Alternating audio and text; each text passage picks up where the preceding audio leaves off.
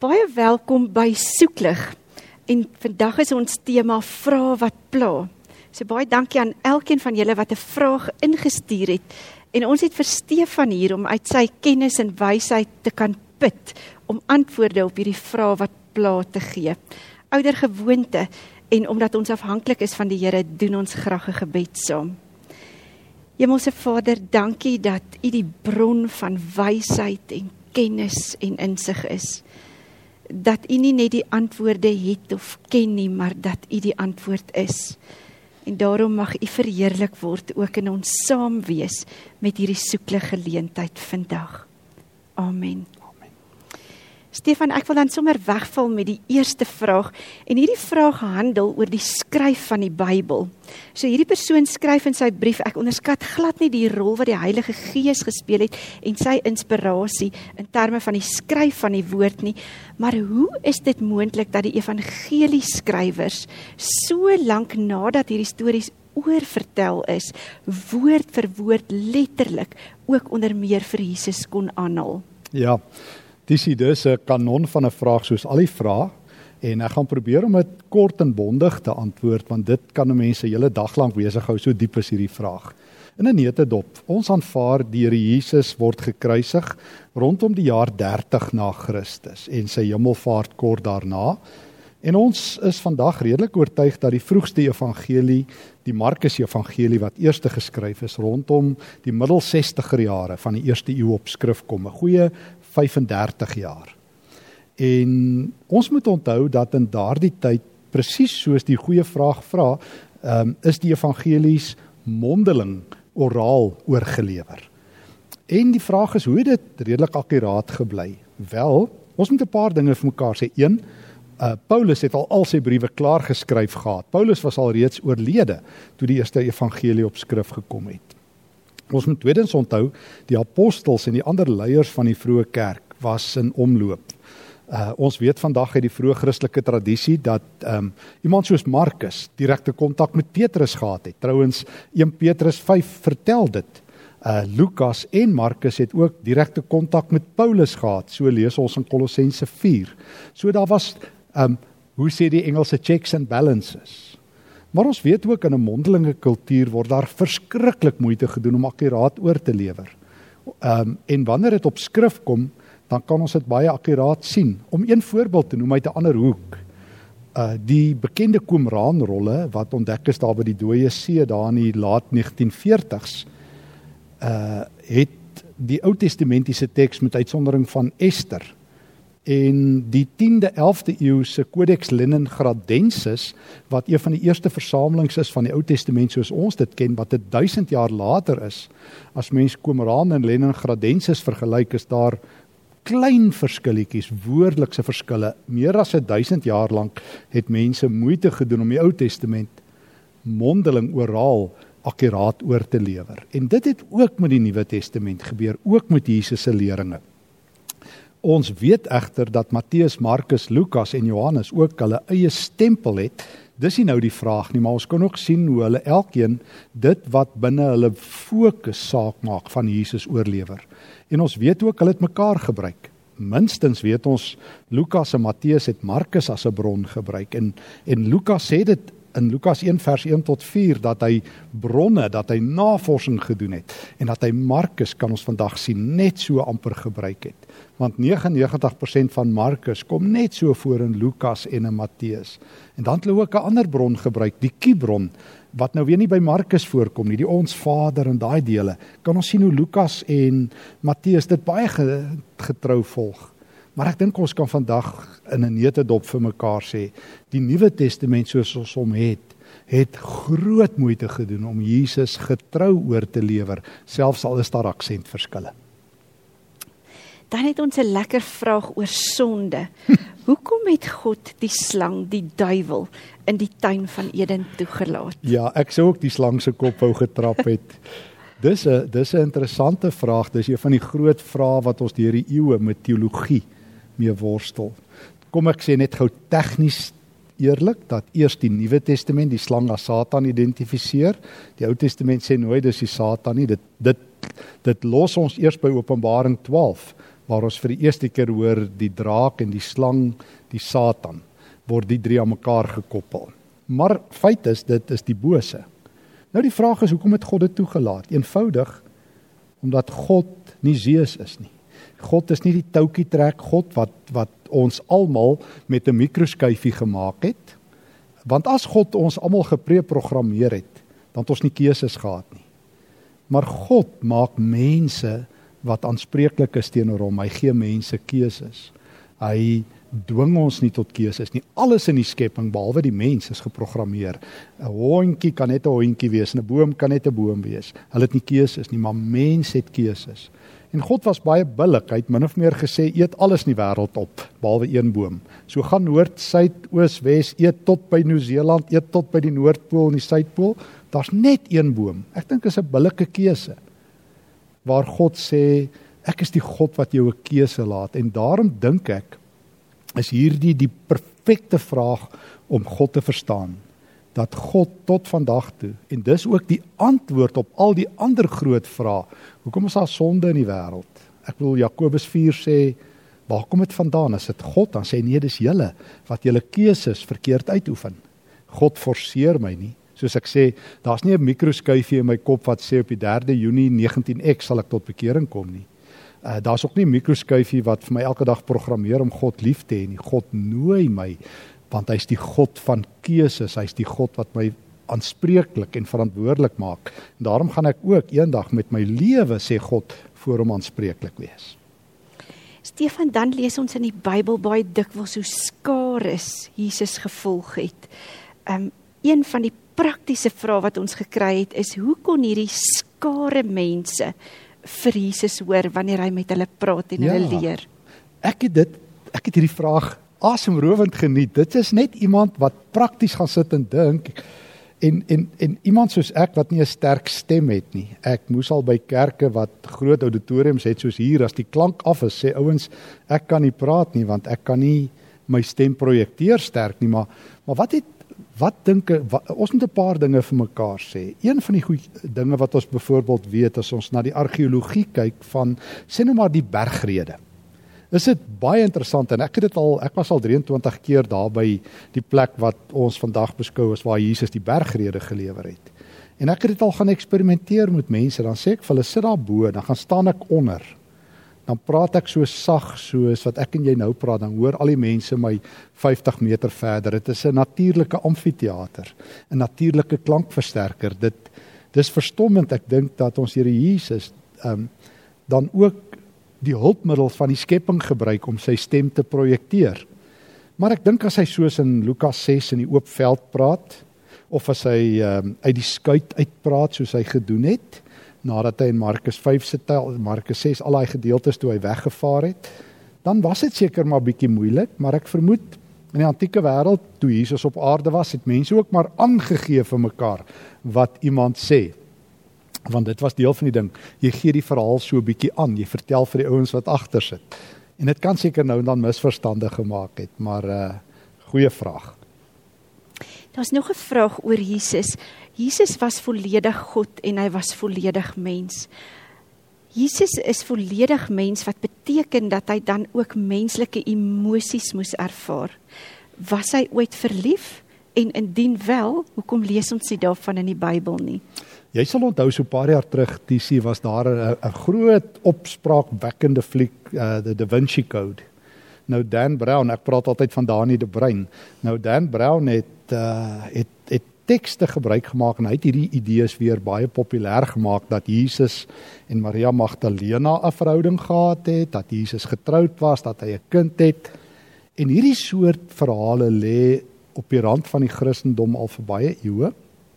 Ek gaan nou nie al daai tekste ingaan nie, maar ons het so buitebybelse evangelie van Maria en 'n klomp sulke verhale in die soort gnostiese Christendom.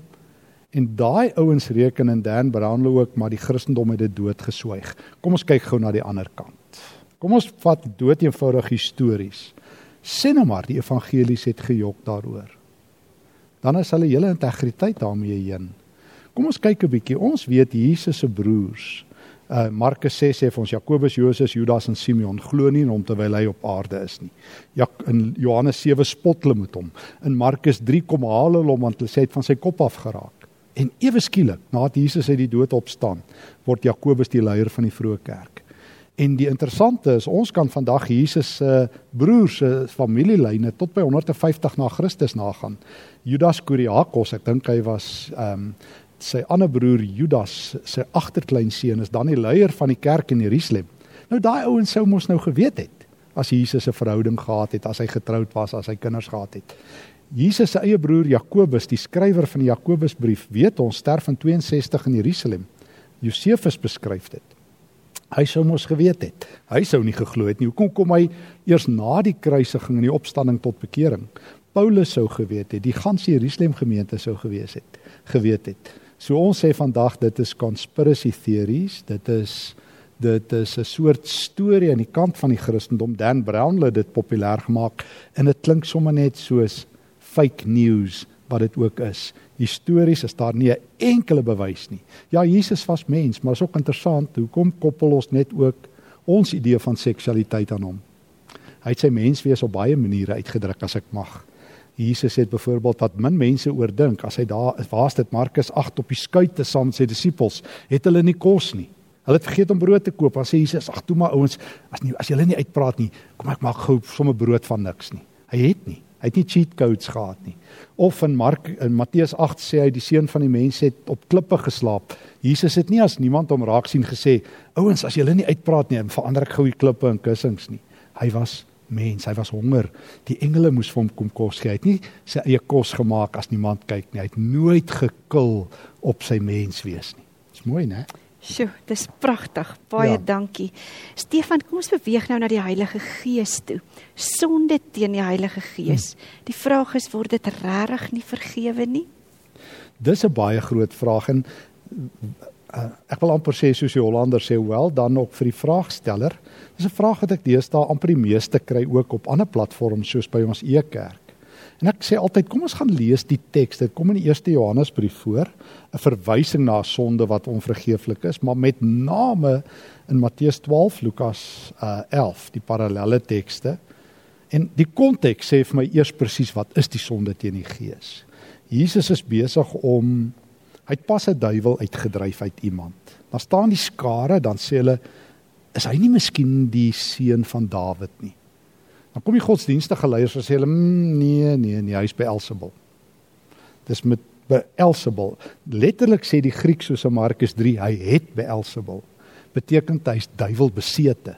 Hulle sê dis 'n duiwel wat hier aan die werk is. Dis verskriklik dan sê Jesus enige sonde sal vergewe word behalwe wat jy nou doen. Dis wanneer Jesus werk en jy staan na hom en kyk en sê dis Satan. En en en as ek dit hoor, dan verstaan ek presies wat is die sonde teen die Heilige Gees. 'n Christen sê mos my lewe is Christus en so dis nie 'n sonde wat ooit in 'n Christen se lewe kan gebeur nie want ek bely die Here. Maar wanneer ek as 'n nie gelowige na Jesus kyk en ek sê dis Satan, Jesus sê dis onvergeeflik. Stefan steeds by die Heilige Gees. Die vraag is wat beteken dit om gedoop te word met die Heilige Gees? Dis veral die ehm um, ek dink sommer nou net vanaand aan 'n teks soos in Matteus 4 waar Johannes die Doper dit sê, nê? Nee, hy sê ek doop julle met water, maar binnekort sal Jesus kom en hy sal julle met die Gees doop. Dis 'n baie bekende beeld. Ek wil eers net aan die een kant sê ek is so jammer dat ons eintlik ons hele gesprek oor die Heilige Gees beperk het net tot die doop met die Heilige Gees beelde. Terwyl die Nuwe Testament 'n super rykdom het van beelde oor die Gees wat die kerk net nooit optel nie. Jesus wat sê die strome lewende water Johannes 7 van die Gees Ehm uh, Paulus wat in Efesiërs 1 vers 13 en 14 weer 'n keer in 2 Korinte 1 en 5 sê, julle is deur die Gees beseël. Julle is die eiendom van die Gees. Romeine 8 vers 23 wat sê julle is die um, julle die eerste vrugte van die Gees ontvang. So die Nuwe Testament ken baie beelde, maar die doop is verseker 'n beeld. Johannes Johannes gebruik dit simbolies. Die doper, Johannes die doper sê Hierdie is water. Dit wys na Jesus. Jesus bring die vuur, die water, die krag van die Gees. So ek dink dis 'n simboliese beeld om te sê die kerk gaan soos Johannes mense met water doop, gaan die kerk ook op Pinksterdag, Handelinge 2, in die Gees gedoop wees. Paulus hulle gebruik eintlik amper nie weer daai beelde nie. Paulus gebruik veral die beeld van ehm um, julle moet vervul word, nee Efesiërs 5:18 tot 20. Waardeur hy nie bedoel die Gees is weg en dan het mense deel nie. Dis 'n beeld van wat korreleer met Galasiërs 5. Laat die Gees jou lewe beheer. Laat jou lewe deur die Gees gelei word. Paulus is lief daarvoor in Romeine 5, Romeine 8 ook waar hy sê almal wat deur die Gees gelei word. En dit beteken ek onderwerp my aktief. Dit is om gedoop te wees. Maar Paulus weet 1 Korinte 12:13 dat die ganse kerk met die Gees gedoop is. Hy sê dit ook. Hy weet ook in 1 Korinte 3:16 dat ehm um, die ganse kerk die tempel van die Heilige Gees is. Hy praat van alle gelowiges. Hy weet in 1 Korintiërs 6:18 dat alle Christene individueel sy tempel is. En hy weet ook in 2 Korintiërs 4 wanneer die 2 Korintiërs 6 wanneer die Christene so bang is vir die duiwel. Hy sê ouens, julle is nie die tempel van Satan nie, julle is die tempel van die lewende God. So dis wat dit beteken in daai selfde betekenisveld ehm um, Romeine 8 vers 9 ek kan nie 'n Christen wees as die Gees nie in my is nie. Paulus sê in Romeine 8 net hulle wat deur die Gees gelei word as kinders van God, maar ek stel my lewe oop, dan is ek deel van hierdie doop, hierdie nuwe wêreld van die Gees. Ek hoop dit maak sin. 'n Klompie tekste. Ja. Baie dankie. Dit is so lekker om die Bybel sommer so te deurkruis ook en na jou te luister Stefan. Ons het 'n klomp vrae gekry oor belydenisskrifte. Ja, ja. So die eerste een wat ek wil vra is Wat beteken dit dat Jesus ter helle neergedaal het? Ja, weet jy Tissie, dis 'n baie goeie vraag. Dit het my kop ook altyd gekrap toe ek op skool was en ons bely elke Sondag die apostolikum. Nou die apostolikum is die apostoliese geloofsbelijdenis. Kom ons sê net eers vir mekaar, die Nuwe Testament ken nie sulke formaat geloofsbelijdenisse nie. Vra nou eendag vir 'n klomp predikante toe ons so sit en praat ek sê eers vir hulle van die apostolikum te weet 'n paar dominees nie. Seker nie is daai wat julle Sondag sê. Maar die Nuwe Testament het nie geloofsbelijdenisse in sulke bullet points nie. Die Nuwe Testament het geloofsbelijdenisse in narratiewe of in liedere Paulus sing sy geloof Filippense 2 hy wat in die gestalte van God was het 'n mens geword en hy na die kruis toe gegaan. Kolossense 1:15 tot 20. Hy wat bo alles is, bo die skepping is, um, alles is deur hom en vir hom gemaak. Dis 'n singende geloofsbelijdenis. En die vroegste een, 1 Tessalonisense 1 vers 9 en 10. God het julle uit die dood lewend gemaak. Hy het julle verlos van die dooie gode. Christus red julle van die oordeel. Dis hoe die vroeë kerk geloof bely het. Hulle het dit gesing, verhale teen die 2de eeu het die kerk egter begin om sulke formele geloofsbelijdenisse te maak. En teen die laat 3de eeu weet ons begin die kerkvaders het al die die hierdie apostoliese geloofsbelijdenis. So dit is 'n baie laat ontwikkeling. Dis nie Nuwe Testament nie. Dit dis 'n ekstraksie. Maar nou as daar staan hy sterelle neergedaal, nou moet ek eers by die storie kom. Daar was nie vroeë kerk twee posisies oor waar Jesus post 'n uh, kruisiging pre opstanding uit die dood op die Sondag is. Die een posisie het gesê hy is in die doderyk en die ander posisie het gesê hy is reeds by God. Maar ons moenie dink in daardie kerk dit verkeerd gehad dat hy soos wat een dominee vir my gesê het hy daai 3 dae die smarte van die hel gaan lei. Nee nee nee nee. Die antieke mense en in die tyd van die Nuwe Testament het geweet hoe lyk 'n oorwinningsoptog 'n triambos. Paulus gebruik daai Griekse woorde op 'n paar plekke. En 'n oorwinningsoptog as die Romeine geveg het teen hulle vyande. Gou jy eers 'n oorwinningsoptog op jou vyand se terrein. Jy gaan verneder jou vyand deur op hulle terrein te gaan marseer. Dan vat jy die verslaane vyand, jy sit hom agter die die die generaal se strydwa, jy trek hom kaal uit, jy sleep hom en dan stap die generaal met sy leer. En dan gaan doen jy dit later in Rome en dan sit jy ook 'n triomfboog op. Daai ark, dis wat 'n ark de triomf beteken daai een wat ons in Parys het, daar staan twee in Rome, een vir Konstantin en een vir die keiser Titus. Jy sit 'n triomfboog op aan op daai triomfboog sit jy al die oorwinnings van die van die generaal. So en dan maak jy daai ou dood wat die die generaal uitgedaag het, maar jy begin op jou vyand se terrein. Nou kom die vroeë kerk, van die ouens in die vroeë kerk, hulle sê, weet jy, Jesus was na doods in die doderyk om sy triomf aan te kondig. Want waar begin jy eers? Wie het hom uitgedaag? Satan in die dood. Nou stap Jesus net deur hulle terrein en sê ek het julle oorwin. Ons het selfs 'n buitebybelse boek wat in sy geheel amper daaroor handel, die Handelinge van Petrus. Wat vertel hoe Jesus na dood in Hades instap, die onderwêreld. En dan skree die Satan vir Hades, sluit die hekke, maar Jesus loop hulle in pletter. Dan haal hy al die gevangenes uit die doderyk. So dis 'n oorwinningsoptog. En ek vermoed die apostolikum het dit opgetel. Die Nuwe Testament het die ander kant gekies dat uh soos Lukas 23 Jesus is uh na doods in die paradys. Maar die terhelle neerdal beteken nie Jesus moes gaan ly nie. Dit beteken volgens sommige in die vroeë kerk, dit was sy triomftog deur die doderyk. Ek hoop dit maak sin. Lang verduideliking, maar ek moet dit in daai pakkie sit. Dankie. En dan hierdie mooi stuk wat ons lees, ehm um, dat hy ons saamneem in sy ja. triomftog. Ja. Pragtig is dit ja. nie. Ja. Dan nog 'n vraag uit die belydenis skrifte. Jesus het gekom om te oordeel tussen die wat lewe en die wat reeds gesterf het. Ja. Beteken dit dan vra hy die persoon dat die afgestorwenes nie by die Here Jesus is nie? Goeie vraag. Goeie goeie vraag. Sjoe. Ek is so bly as mense fyn luister en fyn hoor. Kom ek sê gou die Nuwe Testament ken twee antwoorde uh, gelyktydig op lewe na die dood Eerste is die vroegste dokument van die Nuwe Testament 1 Tessalonisense worstel met hierdie vraag en ek dink die geskrif wat heel laaste in die Nuwe Testament op skrif gekom het 2 Petrus.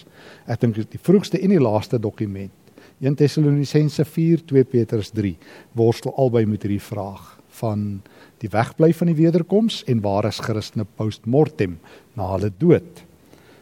Die eerste antwoord wat Paulus gee is Hy praat van soos die ou vertaling sê die ontslapenis.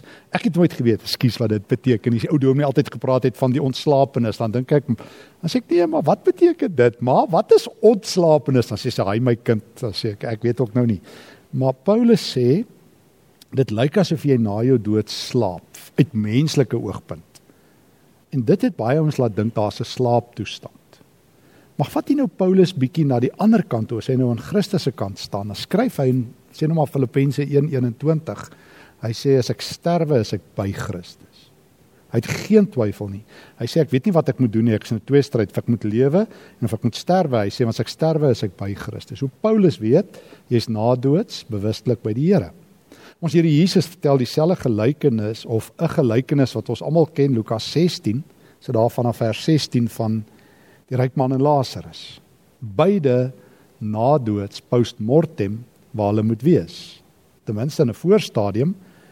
Ehm um, Lazarus aan die boesem van Abraham, die ryk man reeds pyne van smarte in uh, die nadoodse wêreld.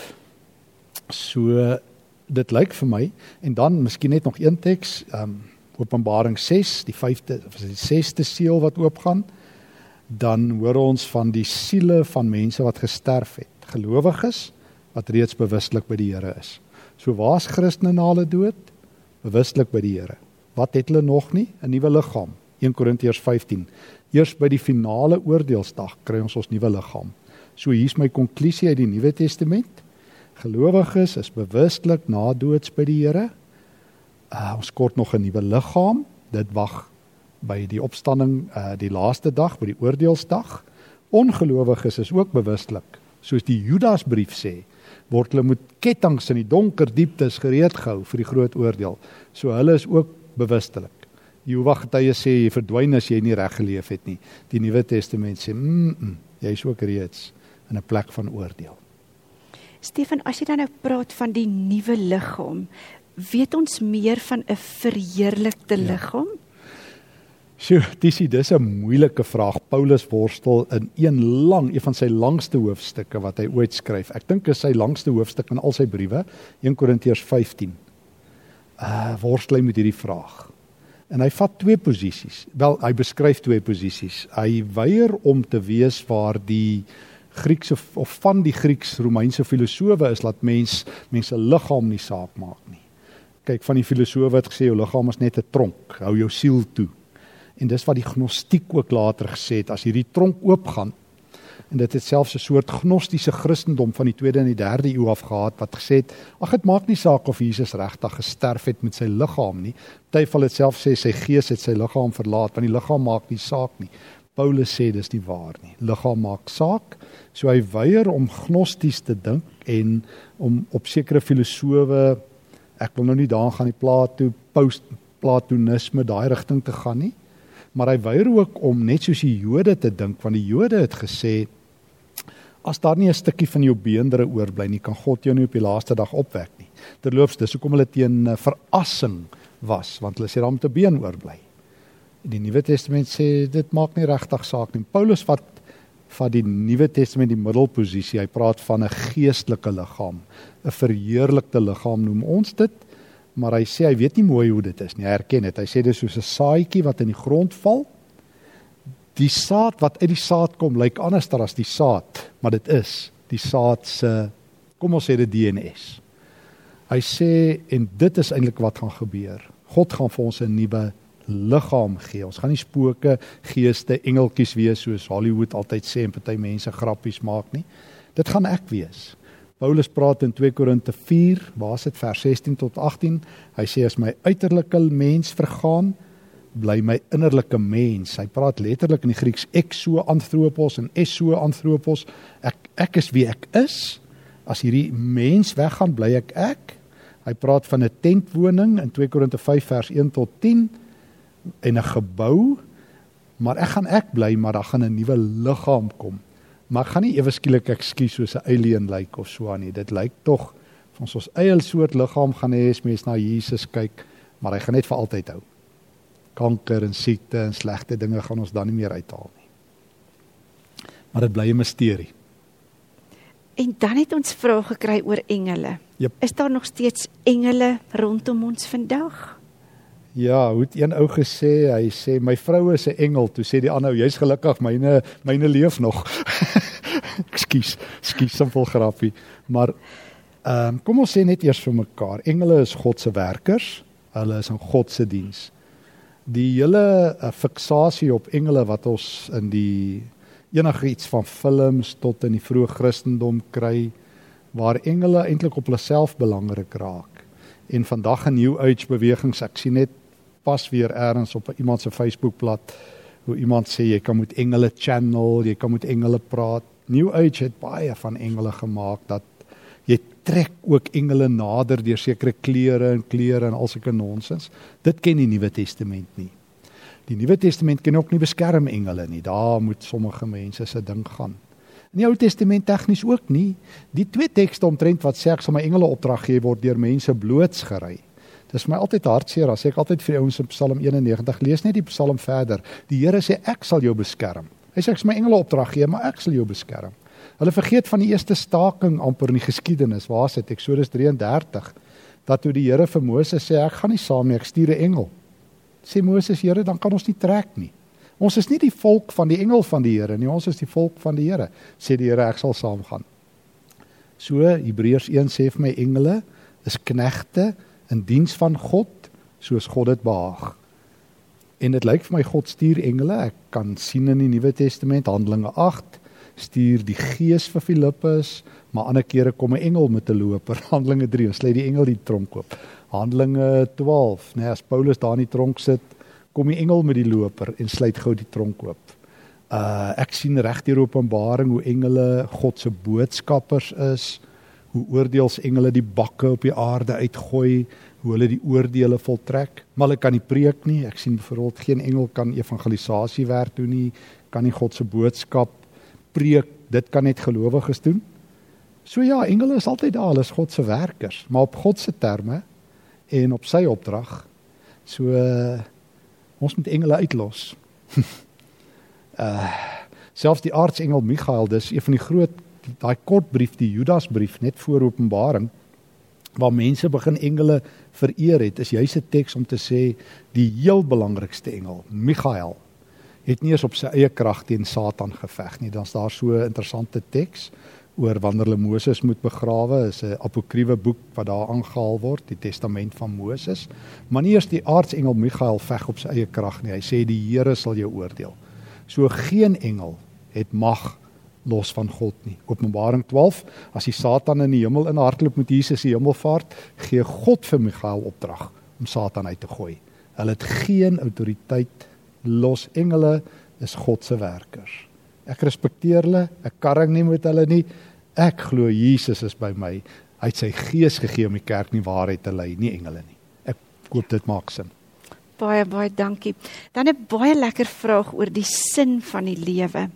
Waarom sal 'n jong mens of 'n kind sterf wat in die vleur van sy of haar lewe is met 'n blink toekoms voor, maar iemand anders wat eintlik dan doelbewus kies om nie meer betekenis in die lewe in te sien en wat ly sal aanhou leef. Dit is die vraag waarmee ons almal elke dag van ons lewe worstel met die regverdigheid van die lewe en die onreg. En 'n mense teologie val in duie soos wat met Israel met Jode met baie mense gebeur het wanneer jy 'n simplistiese teologie het van goeie goed gebeur met goeie mense en slegte goed gebeur met slegte mense. Die boek Job is 'n lewensgrootte protes daarteen. Jy kry nie iemand trouens dis juist die punt dat hy is van alle mense. In die Ou Testament kry Job die hoogste erkenning deur God. God en die duiwel stem oor een ding saam, net een keer. En dis dat Job die grootste regverdige op aarde is. Maar hulle verskil oor die redes want Job is hierdie godvreesende man en ewe skielik ken ons die verhaal hoe God Satan toelaat en dan tref hierdie skrikwekkende oordeele Job. Sy kinders sterf, hy verloor al sy geld, sy rykdom, sy vee. En dan word dit eintlik die hele gesprek in die boek Job. Hoekom laat God dit toe? Job pleit entyd sy onskuld. Job se drie vriende, Elifas, Bildad en Sofar, wat opdaag het almal brutaal skrikwekkende verklaringe vir Job se lyding. Dis verskriklik. Uiteindelik sê Job, julle is useless vriende, want hulle kom daar van Job 6 af. Hulle sit eers so rukkie en kry hulle om jammer dan trek hulle los. Dan sê hulle, "Laat ons jou vertel, Job, jy het 'n geraamte in die kas, jy het gejok. So kom God jou nou terugkry." En dan kom Bildad en hy sê, "Nee nee, Job is jou kinders. Hulle was 'n klomp brats. Jy het hulle nie gedissiplineer nie. Nou kry God jou terug." En dan kom Sofar en sê sommer net jy's 'n godslasteraar en dis hoekom God jou straf, want jy vat dit nie waardig nie. En uiteindelik is Job se geveg met God, Job 16 en 19. En uiteindelik nadat daar nog 'n vierde persoon op die toneel verskyn om Job hulle te kom help, uiteindelik praat God. En God gee geen antwoord hoekom dit gebeur nie. God laat homself vind. God laat hom nie verklaar nie. God is nie in die aanklagbank nie dit herinner my ook aan die Prediker tisie wat in Prediker 9 sê, in die eerste 3 verse. Die ellende moet alles wat in hierdie lewe gebeur is dat dieselfde lot mense tref. Soos dit met die goeie gaan, gaan dit met die slegte.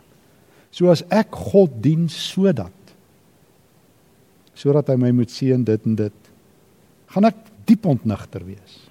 Maar as ek leer om God te dien ten spyte van. So hierdie vraag is nie die vraag wat doen ander mense nie. Die vraag kom na my eie lyf toe. Ek dien Christus.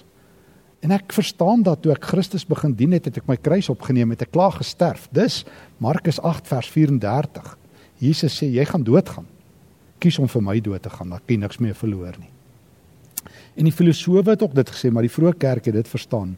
As hulle ly, as hulle vermoor word, dan is die vraag nie hoekom het God dit toegelaat nie. Dan sê hulle ek het klaar my lewe verloor ek het klaar die prys bereken. En daarom kan Stefanus vermoor word in die vleur van sy lewe. En dan kyk hy na die hemel daar aan die einde van Handelinge 7, dan sê ek sien Christus. So die vraag van die Nuwe Testament is nie meer hoekom nie, die vraag is Romeine 8 vers 34 tot 39, die enkele belangrikste vraag wat 'n Christen moet aanleer in 2020. Wat kan my skei van die liefde van God? Kan COVID my skei? Kan 'n hijack kan die moord op my familie, kan enigiets my skei. Want dan sit nie meer 'n 'n lekker maklike antwoordjie nie. Jy sal weet. Ek onthou die dag toe hulle my gehijack het en daai perd sê 9 mil teen my nek druk en hulle sê skiet hom.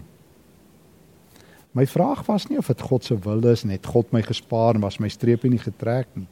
Ek het daar op my knieë een gebed gebid, twee gebede. Here, moenie dat my kind hierop afkom nie. En Here, maak die hemelse deure oop, Stefan kom huis toe. Ek kan nie wag nie. En daai aand toe ek vir die Here dankie sê dat my lewe gespaar is, het ek gesê, Here, ek is 'n klein bietjie teleurgesteld dat ek nie nou by U is nie, want ek sien so uit om na U toe te gaan. En ek dodge nie die lewe nie. Maar ek as 'n Christen verstaan die ander kant en ek hoop dit maak sin. Ek het nie hipotetiese antwoorde meer vir mense nie. Ek sit nie daar en sê soos toe 'n jong dominee was, ag, toe maar jy sal later verstaan en as jou streepie getrek is, is hy getrek. Die dominee sê altyd of die ergste een wat ek nog ooit gehoor het, ag die Here pluk nou maar die jongste blommetjies eerste. Dink ek dit gaan dan terrible in die hemel as God blommerangskikkings nodig het deur mense dood te maak op aarde. Maar my troos is of ek lewe en of ek sterwe, ek die Here se. Christus is my lewe. Die dood kan my nie skei van hom nie. En dis waaragtig nie 'n mooi klinkende belydenis nie. Dit is my lewe. Ek het opgeteken vir Jesus. En ek dink dit moet ons vir mekaar sê. Ekskuus ek antwoord bietjie lank hierop, maar ek kan nie 'n maklike of 'n hipotetiese antwoord daarop gee nie. Want die evangelie konfronteer my om met my lewe dit te antwoord. Baie dankie sommer vir hierdie stuk lekker getuienis ook Stefan. Jo dan vra oor COVID. Jy het nou net hmm. na COVID verwys. En en hierdie vraag is spesifiek: sien jy COVID of dink jy COVID ja. is deel van die tekens van die eindtyd? Dis 'n belangrike vraag want baie mense sê dit. Ek wil begin met um, ons het nou weer 'n nuwe klein hondjie. En ek kom dit agter by haar enigiets wat sy nie verstaan nie, blaf sy voor. En Christus herinner my baie keer daaraan. Enigiets wat ons nie verstaan nie, moet of 'n straf of 'n oordeel wees. Dis amper so half asof dit altyd die eerste punt is. En tweedens, as dit nou nie 'n straf is nie, dan moet dit nou weer 'n les wees. Asof die kruis nie 'n les genoeg is nie. Nou praat die Here weer hard met ons. My ouma het dit altyd gesê as iets slegs gebeur, dan sê ek ouma, tot ek tot ek Lukas 16 gaan lees, sê die ryk man en Lazarus waar Jesus gesê het waar die ryk man uit die doodryk vir vir Abraham vra, "Ag gaan waarsku my broers." Dan sê Abraham, Hulle het die skrif, hulle het Moses nie profete. As hulle nie daarna luister nie, sal hulle na niks luister nie. Nou hoekom sal mense nou na COVID luister? Hulle het mos die Bybel, sê Jesus. Ek onthou as 'n jong dominee, Tisie, voordat ek by universiteit beland het, hou my my vrou skool by Laerskool Kreft en daai pedofiel van Rooyen ontvoer drie kinders by Laerskool Kreftmos. Was by dieselfde skool. My skoonma hou daar skool, Maritjie hou daar skool. En daar kom 'n dominee en hy sê toe vir die skool die Here dit toegelaat sodat Kempton Park tot bekering sou kom. Lekker mislukking as die Here so werk, nê, nee, want Kempton, ek bly nog daar. Het nou nie eintlik verander nie. So as God nou met ons moet praat deur COVID, as God nou ons moet seermaak om ons iets te leer. Ek vra altyd vir mense, doen jy dit met jou kinders? So hier sit jou twee kinders. Ek vat nou my twee dogters. Ek sê, "Pa wil bietjie toets wie van julle twee is die liefste van my. Tarin, jy gaan nou 'n week in die buitekamer slaap en Ilani, jy gaan vir 'n jaar nie sakgeld kry nie. Dan gaan ek kyk wie van julle hou die meeste van my." Ons gaan sê dis sadisties. Die kruis vertel God het ons lief. So wat wil COVID sê? 1 Ek dink dit is 'n teken van die eindtyd nie want Jesus sê nog of dit is een van die algemene tekens laat ek dit reg sê van die eindtyd nog altyd sê Jesus in Matteus 24 as daar aardbewings oorloë slegte dinge. Hy sê dit sal altyd daar wees tot hy kom. Tweedens as God vir my wil lesse leer los van die Bybel dan moet ek die Bybel los. Dan moet ons die evangelie los. As God my iets wil leer stuur hy mense wat sê hoor hoe mooi klink die voetstappe van hulle wat die goeie nuus bring. So God leer ons deur sy gees. Hy het nie meer nodig om ons seer te maak nie. So derdens wat ek wil sê is, nou moet ek by mense gaan sit wat swaar kry. Nou moet ek ly saam met die skepping in Romeine 8. Mense se trane gaan afdroog, vir hulle dae gaan wees. So al wat COVID vir my sê, wat enigiets vir my sê, wees daar vir mense. Dan 'n vraagie oor profesie. Ek dink hmm. nogal baie ouens wonder oor profesie. Hier's dit: Indien profesie van toepassing is op die tyd waarin die voorspelling gemaak is, ja. gemaak word, wat dan van die messiaanse profeseë oor Jesus Christus se geboorte? Ja, dis 'n lekker goeie vraag, soos al die vrae. Uh ons het van profesie, ek praat in den brede, 'n soort toekomsvoorspelling gemaak. As jy profesie hoor, dan hoor jy iemand gaan vir jou die toekoms voorspel. Baie mense hanteer vandag 'n boek soos Openbaring as 'n profesie bedoelende Dit het niks te sê gehad vir die vorige 20 eeue nie, dit is nou net vir ons bedoel. Eintlik het God die kerk vir 20 eeue bedrieg. Hy het vir hulle sê: "Ag man, weet julle lees dit maar, maar dit is eintlik bedoel vir 2020 of vir 1948 of waar ook al." Uh Deuteronomium 18 sê glashelder en die vraagsteller het dit goed opgetel. Wanneer God vir Israel sê: "Hoe ken jy 'n vals profeet uit?" Dan sê hy: "Hulle woorde moet waar word." En as dit nie waar word nie, gee hulle klippe gooi hulle daarmee, stenig hulle. So profeseë moet getoets word. En hoe toets jy profesie? Dit is eerste bedoel vir hierdie geslag vir hierdie lesers. Is baie maklik sê ek altyd om te sê die Bybel is net vir my bedoel. Dit is ook vir my bedoel. Maar nou is dit so dat profesie herhalende betekenis het. Daarom is dit in die Bybel. Wat nou van Messias profesie? Ek wil graag vir die vraagsteller sê, die Nuwe Testament het die Messias verwag, nie vir Jesus nie. Want as hulle vir Jesus verwag het, sou hom nie gekruisig het nie. Ek meen regtig as die Bybel sê ons voorspel Jesus, hulle het 'n Messias, ehm um, die Mashiach verwag. En toe kom Jesus en hy verras die hele Bybel. Toe lyk hy nie soos haar Mashiach nie. Toe lyk hy nie soos die ou soos in Handelinge 1 vra die disippels nog vir Jesus, gaan nie nou die koninkryk oprig. Hulle het gedog daar gaan 'n ou patroon sit en die Romeine in die see jag. Kom maar nie so Messias nie. So as ek Jesaja lees en ek hoor van hierdie messiaanse figuur wat kom, dan vat dit Jesus om daai tekste op homself eers toe te pas. Dan is dit Jesus wat wys so lyk die Messias. Jesus besluit Johannes die Doper is die wegbereider van van van Jesaja wat gesê het hy sal die pad voor my gelyk maak. So die Nuwe Testament sê ehm um, Jesus kom neem daai tekste en pas dit op homself toe.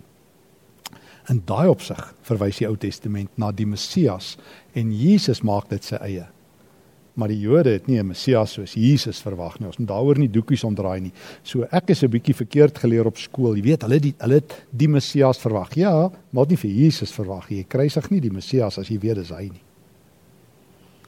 Ons is ongelukkig by die tweede laaste vraag want ek sal 'n hele dag net kan luister en sommer net dieper delf en leer uit die Bybel. Uit die tweede laaste vraag gaan oor poligamie.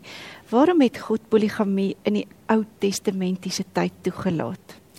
Dis hierdie is 'n baie moeilike vraag. En ek weet nie eintlik hoe om dit sinvol te antwoord nie.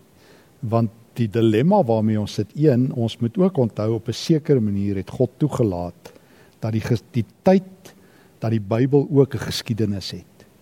God het nie uh, ou prof Johan Heinz nog het vir my en my ou my studente daar het hy vir ons geleer in die klas. God het nie alles van hom op een slag bekend gemaak nie. Ons praat van openbaringsgeskiedenis. Wat gewoon beteken het prof Heinz gesê Abraham het minder van God geweet sê nou maar as Jeremia en dit vat die Nuwe Testament voordat God volledig genoeg oor homself gesê het sodat ons getroos kan lewe en sterwe. So die Ou Testament kom uit 'n era uit waar poligamie toelaatbaar was in die Midde-Ooste. Ehm um, dit word gewoon as 'n feit net vertel dat Jakob vir Rachel en Lea gehad het. Ons onthou uh en dat konings so Salomo 'n hele harem vol vrouens gehad het. Maar dit is tog interessant en dit moet ons nou vir mekaar sê. Dit word nie in die Ou Testament vertel as normatief gaan boots dit na nie. Dis vir my baie belangrik om te sê dat Jesus wanneer die hele vraag van egskeiding voor ons Here Jesus se deur gegooi word in Markus hoofstuk 10. Dan vra Jesus vir die Fariseërs, nou wat het Moses gesê? Ja, Moses het gesê as jy iets ongeruimd aan 'n vrou vind, los haar. Dan sê Jesus, dit was nie God se bedoeling nie. God het Moses het dit toegelaat vanweë die hardheid van julle harte. Maar God se oorspronklike bedoeling met die huwelik vat Jesus Genesis 2 toe. God het gesê 'n man sal sy pa en sy ma verlaat en saam met een vrou lewe. So die normatiewe huwelik sê Jesus wat die Ou Testament geken het. Is een man, een vrou lewenslank. Paulus tel hy selfde teks op in Efesiërs 5 en hy sê uh, nou hy gebruik 'n daar bekende teks oor hoe 'n man en 'n vrou in die huwelik moet optree. So al ken die Ou Testament sulke verskynsels, word dit nooit as bevele gegee doen so nie. Dit word vertel. Maar ons moet ook tog 'n teks lees en dis nou bietjie kompleks. Hoe verwys 'n teks? Dis 'n narratief sê nou maar as ek lees van Jakob en sy vroue en al daai gevegte met Laban en sy skoonpa. Ek bedoel hy en sy skoonpa besluit hulle mekaar weer sien op die einde gaan hulle mekaar nie doodmaak nie. Ek meen watter ooreenkoms? Gaan so goed met my skoonpa en ek wil sommer mekaar nie doodmaak soos mekaar weer sien nie. Maar dit word nie gesê gaan doen dieselfde nie. Jy lees daai verhaal, nou moet ek die norme uithaal, maar nooit word daar 'n norm gegee gaan trou met meer as een vrou nie. Die norm wat Jesus optel, een man, een vrou lewenslank. En dan die laaste vraag. Jy het nou net na die Midde-Ooste verwys onder andere. Hoekom is daar so min Christene in die Midde-Ooste as dit die plek is waar die Christendom ontstaan het? Dit is 'n fris vraag. Ek was al in my lewe as ek reg onthou, isie was ek 23 keer al in Israel, 23 weke, ek al 'n halwe jaar daar deurgebring in reële terme. En dis altyd vir Christene ontnigtering dat minder ek weet nie wat se statistieke minder as 2% mense in Israel glo in God en die meeste valle is Palestynë. Dis interessant, ons vergeet daarvan dat die stem van Christus in die, in in in Israel is die meeste Christene daar is Palestynse Christene. Paulus het vir my 'n antwoord op 'n ander manier in uh, Romeine 9 tot 11. Worstel hy met die vraag oor die uitverkiesing van Israel. Kantlyn opmerking, ek is jammer die Dordtse leerreëls het dit gemis. Hulle het dit 'n leerstuk oor die uitverkiesing gemaak.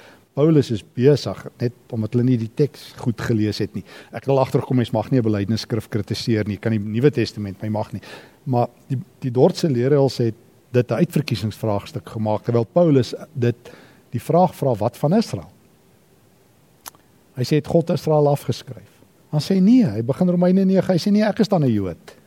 Maar dan begin Paulus dink en hy begin krap in die tekste. Dan kom hy agter, maar nie almal wat in Israel is is Israel nie. Dan kom hy tot sy skok agter, maar moenie vir een oomblik dink Israel was godsdienstig nie. Hy sê God het 'n klein groepie gehad. Hy haal daai 1 Konings 19 aan waar Elia voor God staan en sê ek is die laaste gelowige in Israel. Dan sê God ek het 7000 gespaar. Nou kom Paulus agter binne in Israel was daar 'n klein stroompie geloof. So ek dink nie daar was altyd so baie nie. Ek meen was Israel so godsdienstig sou Jesus nie gekom het nie. Dan was Israel mos die perfekte antwoord. Maar juis omdat hulle misluk het, juis omdat Israel nie aan God se wil gehoorsaam was nie, juis omdat hulle al die profete vermoor het, juis omdat die Ou Testament in 'n sekere sin 'n mislukking eindig moes Jesus kom. So ek is nie seker daar was altyd so baie nie. Nie as ek Paulus lees nie, nie as ek as ek die Nuwe Testament reg verstaan nie. Maar Romeine 11 het hoop. God sal nooit sy volk ook los nie. Miskien gaan daar uit hierdie olyfboom moet ons nie dink omdat ons die wilde tak is wat ingeënt is, gaan God hulle vergeet nie. Miskien gaan daar 'n klein stroompie van hulle tot geloof kom. Dis Paulus se hoop in Romeine 11 en wat 'n hoogtepunt om hierdie gesprek mee te eindig. Stefan, baie dankie diep uit die hart. Dit is so lekker om meer te leer en om sommer net so te kan delf in die wonder van die woord. Dankie dat jy jou wysheid en jou insig met ons gedeel het. Die Here seën vir jou met jou wonderlike koninkrykswerk waarmee jy ook besig is. En dan vir elkeen van julle wil ek graag uitnooi na die volgende soeklig toe Dinsdag 6 Oktober 7:00 die aand op KSM YouTube kanaal. Ons spreker is Yuri Venter en die tema is rippels van genade. Ons sien julle dan.